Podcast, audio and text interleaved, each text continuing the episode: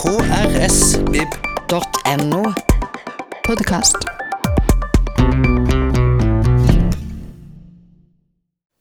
Velkommen tilbake, Miriam og Camilla. Eh, Det har vært klassikerklubb igjen for fjerde gang denne høsten. Fjerde og siste gang. Hva var som var temaet denne gangen? Eh, Vi tok eh, utgangspunkt i utstillinga som har stått i Kunsthallen og biblioteket hele denne høsten, høsten 2018. Eh, Et av mm, prosjektene i utstillinga handla om japansk, eh, en japansk kunstner, og derfor tok vi utgangspunkt i Japan. Og bestemte oss for å lese en tegneserieroman. Ja. Det var min fars dagbok av Jiro Taniguchi. En veldig fin eh, tegneserieroman som eh, handler om en sønns forhold til sin far. Et litt sånn uforløst forhold. Mm. Ja. På denne, denne klassikerklubben så gjorde dere det som dere har gjort noen ganger tidligere, og altså, gikk litt rundt i utstillinga, så vidt jeg har forstått. Vi så på et uh, kunstverk av en kunstner som heter Sofia Eliasson, som har tatt utgangspunkt i den kjente japanske grafikeren og multikunstneren, kan vi kanskje si, uh, Hokusai, som han er kjent som. uh, og hans datter, Katsushika Oei. Og hun, eh, Oei, da, hun eh, jobber antageligvis på mange av farens bilder, men det er ikke helt kjent, da før kanskje nå i nyere, mer moderne tid, at uh, hun også hadde et sterkt kunstnerskap. Eh, så det er jo disse her kvinnene som liksom dukker opp da fra glemselens uh, eh, dyp. Og blir til Disney-filmmateriale. Og blir til Disney-filmer. altså, Sofia har da laga eh, kunstverk eh, som eh, noen slags avtrykk av klær og objekter i et eh, materiale av keramikk, porselen, gips, ja, et eller annet sånt. Eh, som er veldig vakre kunstgjenstander. Så de brukte vi som en innledning til å snakke om Japan og eh, japansk kunst, og, som jo er veldig tett forbundet med tegn, den japanske tegneserieformen, da. Eh, sånn at den manga, som det heter, eh, var det jo faktisk også Hokusai som lagde liksom den der første mangaboka, så vidt jeg kunne forstå, på Ja. vår eh, innleide innleder eh, Hans Ivar Stordal. Mm. Og det du skal få høre nå, er altså hans innledning til hele diskusjonen som kom etterpå. Ja, og tegneserieromanen tar jo i seg, opp i seg både liksom kunsten og litteraturen. eh, Smelter jo sammen i, i ett uttrykk. Så det passer veldig fint å avslutte klassikerklubbåret med en sånn bok. Selv om det ikke var en veldig gammel klassiker, kan vi si, Nei. kanskje. Nei. Men eh, vi hadde veldig lyst til å ha en sånn en gøy ting på slutten av året. Og, og tegneserieromaner er, er litt gøye, rett og slett. Ja. Og så følte vi vel at den hadde nesten et klassikerpotensial, fordi den var så universell i tematikken sin, og ja En fremtidig klassiker, kanskje. Ja, selv om det Mm. er en japansk fortelling, så tror jeg den kan gå Bli veldig um, Man kan kjenne seg igjen i den, Mm. i, fra et norsk perspektiv også. Ja. La oss høre på innledninga til Hans Ivar Stordal. Ja, jeg heter altså Hans Ivar Stordal og bor på Birkeland, kommer fra Tønsberg. Og eh, jeg jobber en del med å oversette og redigere blader og bøker. Og oversette og redigere og skrive om tegneserier. Så det er eh, litt av grunnen til at jeg er her. Og jeg har jobba kanskje særlig, eller i hvert fall interessert meg særlig mye for japanske tegneserier lenge. En eh, 20 års tid omtrent. Så reist en del i Japan og prøvd å fordype meg litt i det jeg holdt. Jeg har vært redaktør for ganske mange japanske tegneseriebøker den gangen det fortsatt kom ut i Norge. Og da, etter det, så begynte jeg ofte å bli spurt om å holde liksom, foredrag eller noe om det, så da har jeg prøvd å holde det levende. Så jeg tenkte Vi skal jo prate om denne boka, min fars dagbok. Men eh, da eh, Da er vi jo ikke mange til å dele på taletida, så da har vi også en eh, mulighet til å komme oss fram dit fra utgangspunktet vårt. Det var det jeg tenkte vi skulle eh, dvele ved i en innledning. Min fars dagbok som vi skal snakke om, den er tegna av eh, kunstneren Jiro Taniguchi, som eh, har en lang tegneserieskaper... Eh, skjønt den gjerne kunne vært lenger, men utrolig innholdsrik og veldig produktiv.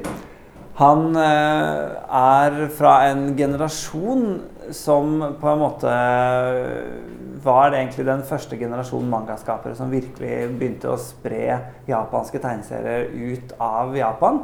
Og ironisk nok på en måte så er jo mange av de skaperne som er aller mest kjente i den uh, generasjonen, som, var, som begynte på, på 70- og 80-tallet, de var også mange av de ganske inspirerte av europeiske serier.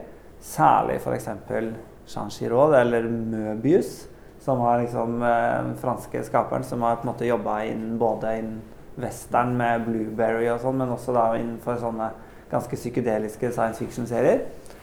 Eh, og og eh, Taniguchi er en av flere som har pleid en del omgang med europeiske skapere. Bl.a. hatt noen europeiske skapere liksom, eh, som assistenter.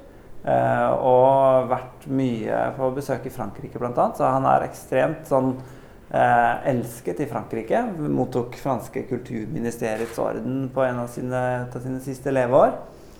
Og har vunnet priser i store tegneseriefestivalen i Angolem. Og, ja. og når man sier at han har kanskje en litt sånn europeisk stil, så mener man nok særlig det at uh, at sidene hans, tegneseriesidene, er relativt sånn sobre i utgangspunktet til å være manga. Det er firkanta ruter eh, som har luft mellom seg, og som ikke gjør liksom all verdens sånn eh, tekniske krumspring. Det er ikke sånn at du må liksom må blunke før du på en måte Med en gang du ser tegneseriesiden. Det er liksom det er ryddig og rent. Eh, og det er kanskje ikke den normen innenfor manga. Vi skal se litt mer på det seinere. Han har jobba i ufattelig mange sjangere. Fra science fiction til sånn hardkokt noir og krim.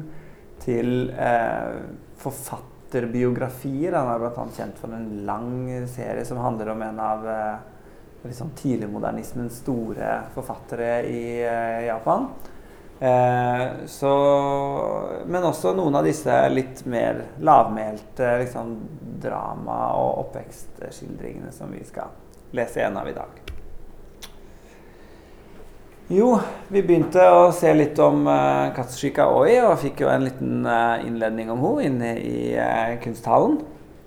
Som altså er en av ganske få kjente kunstnere i liksom tidligmoderne Japan. Hun jobba jo innafor både tegning, men også sånne tresnittrykk. Sånne ukiyo-e, som de ofte kalles. Som var liksom det, det, store og ledende formatet i Japan på den tida hvor Japan begynte å åpne seg for Vesten, altså i siste halvdel av 1800-tallet. Og som jo ble var liksom både det, det, populære kunstmediet i Japan, men som også ble en ekstremt populær eksportartikkel når liksom japonismen eh, slo til for fullt i, i Europa rundt omkring. Noen av eh, bildene hennes eh, som er mest kjente, som jeg har samla her, her er eh, Yoshiwara, Night Scene. Dette er jo engelske titler, da. Men Yoshiwara er da altså et av de mest kjente sånn Red Light District i Tokyo, som jo var eh, ganske institusjonalisert opp til eh, relativt moderne tid, egentlig. Og hun har også mange veldig flotte kvinneportretter, som her.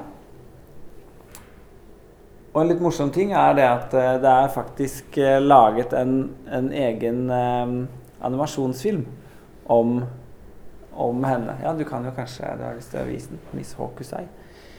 Så jeg tenkte at jeg skulle vise en Vise litt av traileren til den, bare fordi uh, der får man også et litt innblikk i uh, Hokusai sin, sin uh, kunstneriske karriere. Uh, der ser man nemlig Hokusai eh, som jobber i forskjellige formater, sånn som du snakka om inne i, inne i kunsthallen. Nå veit jeg ikke hvor mye lyd vi får. Jo, litt kanskje.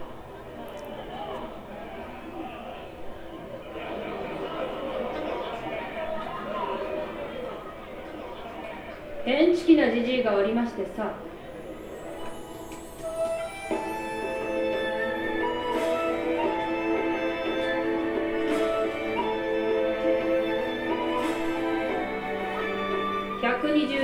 の紙に大だるまを書いてみたりかと思えば米一粒にスズメを2羽書いてみたり。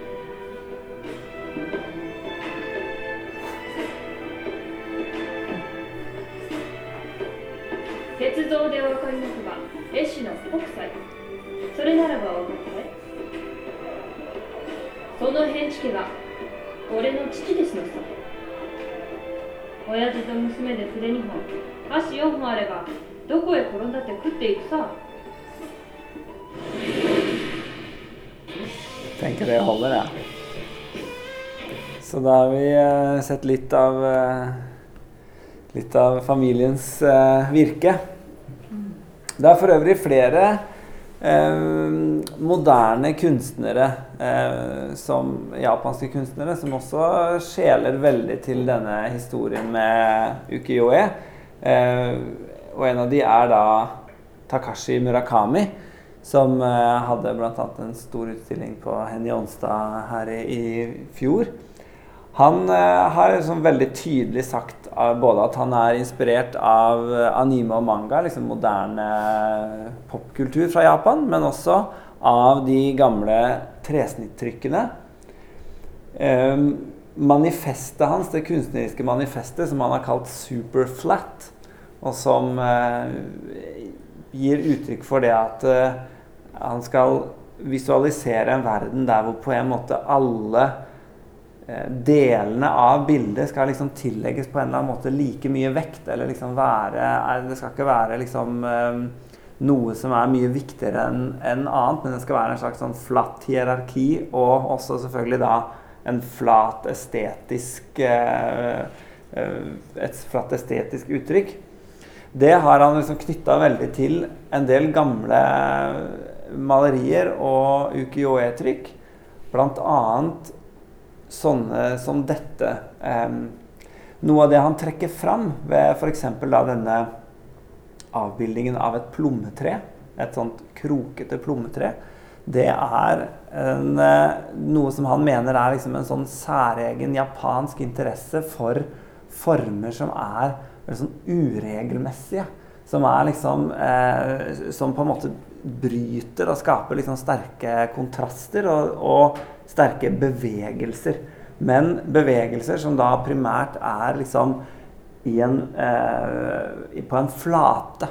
Og ikke liksom først og fremst tredimensjonal. Og det eh, mener han liksom å se at det er en sånn en interesse som går igjen i japansk kunst gjennom eh, tidsaldrene, og som han liksom ønsker da å bringe videre.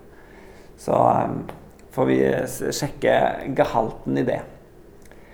Når vi da gjør et langt hopp fram i tid og kommer til Tokyo anno eh, 2000-tallet, så ser vi at eh, tegneserier er veldig, sånn, veldig synlig i bybildet. Sånn som her med gamle voksne mennesker på vei til eh, jobben sin, som står og leser tegneserieblader. Sånne blader som dette her. Sånn, eh, sånne lefser som ligger i svære bunker på T-banestasjonene og kioskene og sånn. Som koster en 15-20 kroner og inneholder kanskje 300-400 sider med tegneserier. Og kommer i sånne ukentlige installasjoner med mange forskjellige serier i hvert blad, men med ett nytt kapittel av hver serie. Sånn at disse seriene går som sånne løpende føljetonger. Det er som å følge med på din favoritt-TV-serie eller et eller annet sånt noe. I hvert fall før Netflix sin tid. da. For du må liksom du må på en måte vente en uke på hvert nytt kapittel, og det gjør liksom at disse historiene og karakterene følger leserne over veldig lang tid. Men de går eh, i løpende handling, sånn at det er, det er stort sett ikke liksom avslutta historier. Det er stort sett eh, såpeopera eller eh, cliffhangers. Eh, og dette mediet kan man på en måte se litt overalt. Ja, jeg kan forresten vise eh, De kaster de jo som regel bare når de er ferdig med de, fordi at eh, de eh, Da er det liksom eh, Da er ikke dette her noe å spare på lenger. Da venter man til den serien som du liker godt, kommer i sånne mer hendige samlebøker. Og det er gjerne de som vi har sett utgitt i, i vår del av verden. da.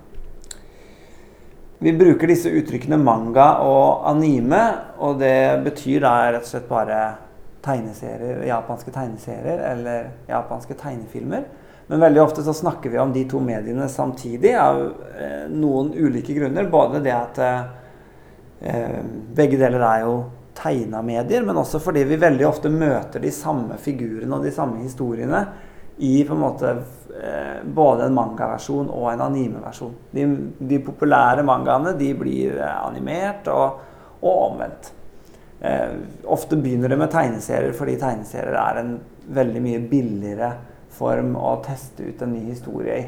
Eh, hvis du skal sette i gang med en, en stor tegnefilmproduksjon, så er det liksom hundrevis av mennesker over flere år, kanskje. Mens en tegneserie er det jo i utgangspunktet mulig å holde gående med bare en person eller to. Så da er det ofte den måten man gjør eh, på en måte folk interessert i figurene dine på. I tillegg så har jo disse historiene i stadig større grad også blødd over i, i Hollywood og, og japansk filmbransje og TV-bransje. Og i f.eks. i dataspill. Sånn at uh, her i popkulturen henger jo allting sammen, og i Japan enda mer enn i, i eh, Vesten, tror jeg. Men man kan jo eh, spørre seg på en måte hvordan eh, tegneserier ble så stort i Japan. Eh, Fordi at Japan er altså det landet i verden som både produserer og konsumerer desidert mest tegneserier per innbygger. Over en tredjedel av alt de trykker av alle ting, er tegneserier. Altså av Når du da regner med skolebøker og aviser og ukeblader og alt. Um, og vi kan spore noen sånne eh, tidlige tegn som peker fram mot eh, tegneserieuttrykket allerede 800-900 år tilbake i historien. Dette her er eh, en eh, ville jo vanligvis kalt en skriftrull. Men det er altså ingen skrift i den, eller bare minimalt med skrift. Så derfor kalles det en bilderull. Men det fungerer på samme måte som en skriftrull. Og dette er en slags eh, buddhistisk eh, fabel, kunne man kanskje kalle det, som heter eh, Chorju Giga.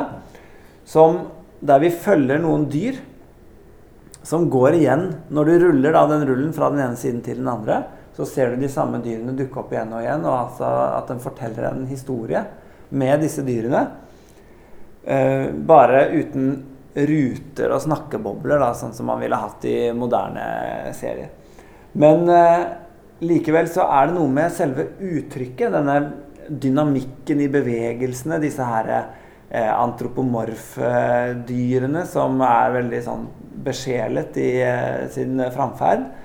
Det at de er på en måte skildra med sånne enkle konturstreker som bare følger de der hvor det viktigste er liksom å fange bevegelsen. Det viktigste er å fange formen mer enn å liksom eh, mer enn å få de til å poppe ut som, som tredimensjonale. Dette er jo ting som veldig leder tankene hen til tegneserier. Jeg syns jo noen av disse positurene er helt utrolig livaktige i forhold til hva som ble tegna i, i eh, Skandinavia f.eks. på samme tid. Bare et par hundre år senere har vi denne eh, rullen eh, som heter Shigisan Engi. Og hvis vi zoomer inn på han eh, karakteren der, så ser vi liksom noe av det samme her. Ser vi Det er en figur som ruller et hjul foran seg. Og inni hjulet så har du liksom både fartsstreker og sånne eh, konturstreker bak som minner om liksom den effekten du får når du, når du ser på noen som snurrer fort, eller når du prøver nesten å ta et bilde av det. Og sanden som blåser under føttene hans. Sånn er utrolig sånn eh, tegneserieaktig, vil jeg jo kalle det. Så det er kanskje noe som, noe som tyder på at denne formen, eh, både den visuelle formen, men også den måten å fortelle en historie med bilder på, har liksom ligget eh, i tradisjonen og i kulturen i lang tid. Før tegneseriene var det også veldig vanlig at, eh, at eh, gatekunstnere reiste rundt med bilder og rett og slett bare samlet seg en, et publikum, og så sto de og fortalte en historie med, med, hvor de tok fram stadig nye plansjer. Det var, liksom, det var på en måte en kunst, da, det å være en sånn en bildeforteller. Og det også kan man kanskje si er en sånn tidlig forløper for tegneserien.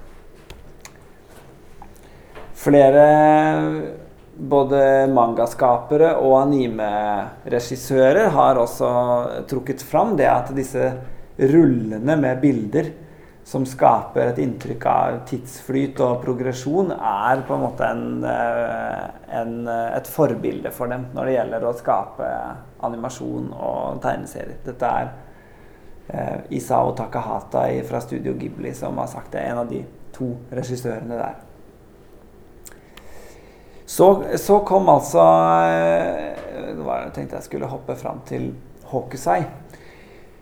Som var jo en av de store og mest etablerte tresnittkunstnerne på 1800-tallet. Særlig kanskje kjent for disse naturstudiene av Mount Fuji, men som har jobba innafor veldig mange forskjellige eh, medier, som vi så. Han var ikke bare på en måte en stor kunstner, men han var også en eh, person som bare tegna ustanselig. Og Eh, det var dette jeg ville vise. Han laget, samlet mange av skissene sine, de litt sånn tøysete skissene, i en eh, bok som han kalte for manga. Og der kom, kom, det ordet første gang i bruk. Det var liksom karikaturer og bilder av forskjellige positurer og morsomme situasjoner og dyr og sånn. Og når han da kalte den for manga, så betyr det noe sånt som tøysete bilder eller useriøse bilder. Det var på en måte for å skille det litt fra hans liksom, seriøse kunst. Og det er jo litt sånn interessant at det, eh, når eh, moderne tegneserier vokste fram i mellomkrigs- og etterkrigstida i Japan, så begynte man liksom umiddelbart å kalle det for manga.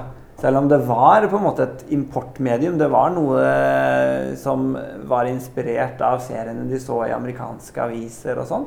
Men det var helt tydelig at de gjenkjente det som noe som vi allerede har, nemlig manga.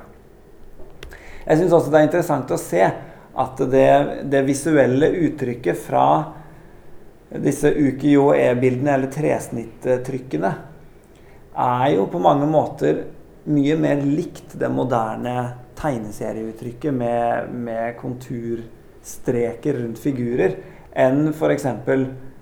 De, den oljemalingen som foregikk liksom i Europa på samme tid, der hvor målet i mye større grad var å gjengi form og lys og tekstur på den måten som det syns for vårt øye. altså hvor man er liksom interessert i, i, at det skal ligne på virkeligheten, eller at, at det skal være korrekt perspektiv. Eh, så, er, så er det snarere en sånn eh, forsoning med denne flatheten som liksom preger veldig mange av ukiyo-e-bildene. Selv om de da selvfølgelig skaper perspektiv ved å på en måte bygge flatt på flatt på flatt. Um, moderne manga har utrolig mange forskjellige sjangre og målgrupper. Det fins på en måte en, eh, et blad eller en serie for nesten enhver interesse. Og eh, som ivaretas både i forskjellige blader til forskjellige målgrupper, men, eh, men også selvfølgelig i enkeltutgivelser. og sånn. Det gjør liksom at det, nesten uansett hva du er interessert i, så kan du finne en tegneserie som passer for deg. Og det tror jeg er noe av grunnen til at eh, manga er et så naturlig og liksom eh, fullstendig eh, vanlig medium i Japan. Er, du trenger på en måte ikke å være en del av en subkultur for å, være, for å lese manga. Det, er, det, gjør både voksne og gamle og barn og unge og menn og damer. Eh, bare at de leser på en måte forskjellige historier. Visuelt så kan manga være litt sånn ugjennomtrengelig for det utrente øyet. Hvis man bare har lest liksom gamle Donald Duck-serier i Norge, så kan serier som den til venstre der, en moderne liksom, actionserie, virke ganske sånn eh, tettpakka med informasjon og med streker og med bevegelse. Man kan tradisjonelt si at eh, manga har strukket seg mer i retning av film enn av litteratur. Altså at det har ofte strukket seg for å skape noe av den samme leseropplevelsen som film og TV gir. Etterligne liksom bevegelse. Eh, tenke på ruta nærmest som et kamera som eh, skal liksom fange inn eh, bevegelse, og som skal til enhver tid flytte seg rundt i universet ditt, sånn at du ser eh, både omgivelser og de forskjellige karakterene fra mange forskjellige sider. Og der hvor f.eks. en samtale eh, gjerne gjengis med veldig mange ruter. Uh, Istedenfor å f.eks. putte inn mange snakkebobler i én rute og la det gå på en måte et langt tidsforløp innenfor én rute, så vil de stendig liksom klippe fram og tilbake mellom de forskjellige personene for å vise reaksjoner, for å vise pauser, for å vise på en måte små detaljer. Sånn at, uh, sånn at de bruker på en måte mange sider på å skildre det samme tidsforløpet som sikkert kunne vært komprimert ned, men som da ikke ville gitt den samme filmatiske opplevelsen. Her er f.eks. en actionserie som heter Rave. Vi leser da altså her fra høyre mot venstre. Og her du noe, ser du noe av det. Liksom. Du ser at eh, ikke en eneste rute viser eh, den samme synsvinkelen som en annen rute. Det er liksom det er konstant eh, skifte av synsvinkel, konstant skifte av avstand. Eh, figurer popper ut av rutene for å liksom eh, gjøre seg levende. Man kan zoome liksom helt inn på bare et øye for å vise en karakter. Og så kan det komme en stor sånn som her, så kommer det da en, en stor rute som skal liksom bare formidle klimaksbevegelsen liksom, over, en, over en hel side. Mens den neste siden der er en sånn side som du aldri ville ha sett f.eks. i en Donald-historie eller en Fantomhistorie. Der man bruker en hel side på bare å skildre reaksjoner i noe som kanskje kan være ett øyeblikk, og kanskje kan være en lang eh, periode med på en måte stillhet eller ettertanke eller liksom spenning. Men det, det vet man ikke, men man vet at man på en måte blir blir tatt litt sånn ut av den tidsopplevelsen som har vært hittil, og så får man en ny tidsopplevelse. Uh, der hvor spenningen skal henge i lufta. Hva var det egentlig som skjedde med disse to uh, menneskene med sverd som løp mot hverandre? Og så Unnskyld, nå bomma jeg på knappen. Og så går tida videre på neste side. Så fem sider ble brukt på en, et lite handlingsforløp som kunne kanskje ha vært tre bilder, men som ikke ville gitt den samme opplevelsen å lese. Andre liksom, veldig tydelige virkemidler eh, skal vi se litt på her. Her, det, her ser du igjen da, en helt ekstrem versjon av dette med kontroll over tiden. Dette er Taniguchi, som vi skal snakke om eh, seinere. Som eh, viser to personer som skyter en kule mot hverandre. Og her følger vi da kulas løp mot det andre mennesket over fire sider. Uh, I en helt sånn der ekstrem frysing av tiden. Som, uh, som, er liksom totalt tatt ut av alle proporsjoner, men som er tross alt ganske, ganske intens, da. Fartsstreker eller fokusstreker er et annet veldig typisk uh, virkemiddel fra mangaene. I i eh, manga så er ikke fartsstreker noe som først og fremst kommer bak et objekt som beveger seg, men det er eh, noe som liksom fyller en hel rute for å skape en slags sånn følelse av at alt beveger seg. Eh, av at øyet ditt liksom blir med eh, en bestemt vei, eller at du, må på en måte følge med på hele bevegelsen. Det er egentlig den effekten du får når eh, kameraet i en film føl- eh, beveger seg, men står stille i forhold til det som er i fokus. Så det er liksom en motsatt fartseffekt av det du får når du fotograferer en gjenstand som beveger seg. Hvis det ga noe mening. Og det sier nok en gang noe om at det er snarere filmen som etterlignes enn eh, fotografiet. Noen serieskapere jobber også med en, en eh, teknikk som har blitt ganske typisk for eh, manga fordi den skiller seg såpass ut. Og det er dette å operere med forskjellige tegnestiler innenfor en og samme serie. Der hvor du kan skille mellom de alvorlige delene og de komiske delene ved at, eh, de, ved at man i de komiske delene bare ekstremt forenkler karakterene sine. Sånn at du kan få en sånn, sånn gag-effekt midt inni eh, seriene. Dette er noe som ikke selvfølgelig passer for sånn, mer sånne seriøse skapere som uh, Taniguchi, men som er en ganske sånn typisk manga-stil.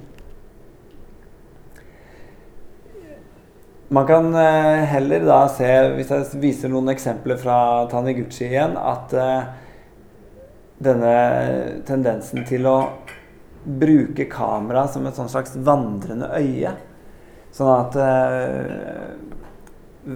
overgangen fra ett bilde til det neste ikke nødvendigvis viser en ny handling, men den rett og slett på en måte bare lar øyet ditt eh, vandre rundt i et område og, eh, og liksom se eh, og skildre verden på en sansbar måte. Det er liksom en, også en, en teknikk som ikke er så veldig mye brukt i vestlige tegneserier. Yes. Vi er tilbake på Taniguchi. Jeg tenkte vi må, skal innlede samtalen om boka, rett og slett. Nå veit jeg jo ikke om det er mange her som har lest, men så det vil jo vise seg. Men det er jo det er, eh, Vi får uansett noe å snakke om. Min fars dagbok var en eh, serie som eh, Taniguchi tegna på midt på 90-tallet omtrent. Og den handler om eh, mannen eh, Yoichi, som her på forsiden av eh, boka er eh, den lille gutten som sitter på sin fars eh, sitt, ja, hold, på sin fars arm. Han er i begynnelsen av serien eh, en eh, voksen mann som eh, bor i Tokyo og eh, jobber hardt. Og eh, får en telefon på kontoret om at eh, faren hans hjemme i eh, kystbyen eh, Tottori er død. Og han innser når han får den eh, telefonen Dette skjer da bare på de første sidene. At han har egentlig ikke vært hjemme og besøkt familien på 15 år.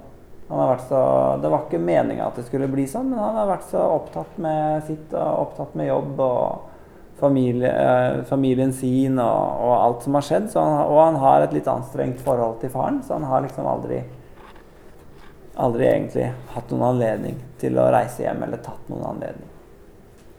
Dette høres jo kanskje ganske ekstremt ut i en norsk eh, virkelighet, men det er nok ikke fullt så ekstremt i en japansk virkelighet, tror jeg. De, eh, de har jo mye mindre fri enn oss, og de eh, har en utrolig høy arbeidsmoral. Altså det, er ikke, det er ikke liksom sånn at du kan regne med å ha masse fritid eh, hver eneste uke nødvendigvis. på en måte. Må, det er, jobben skal gjøres, og den skal prioriteres høyt. Mange kontorarbeidere som overnatter på kontoret sitt uh, stadig vekk, eh, liggende under en pult, eller, uh, eller i det minste jobber til 10-11 eller til, til de stuper. Det er ganske vanlig. Så, så det er noe Så det som er spesielt med det, er at Taniguchi skriver i etterordet at dette er inspirert av hans eget liv. At han faktisk hadde den samme opplevelsen selv. At en kompis sa du skal ikke ta så komme deg hjem og besøke familien. Og så innså han at det hadde gått 15 år. Så det var jo godt å høre at han gjorde det med tanke på at han døde så altfor tidlig nå her for, for ett og et halvt år siden i 2017. Um, reiser da hjem til uh, hjembyen, særlig liksom tilskyndet av kona si, som sier at uh, nå må du bare forte deg hjem så du får vært med på likvaken.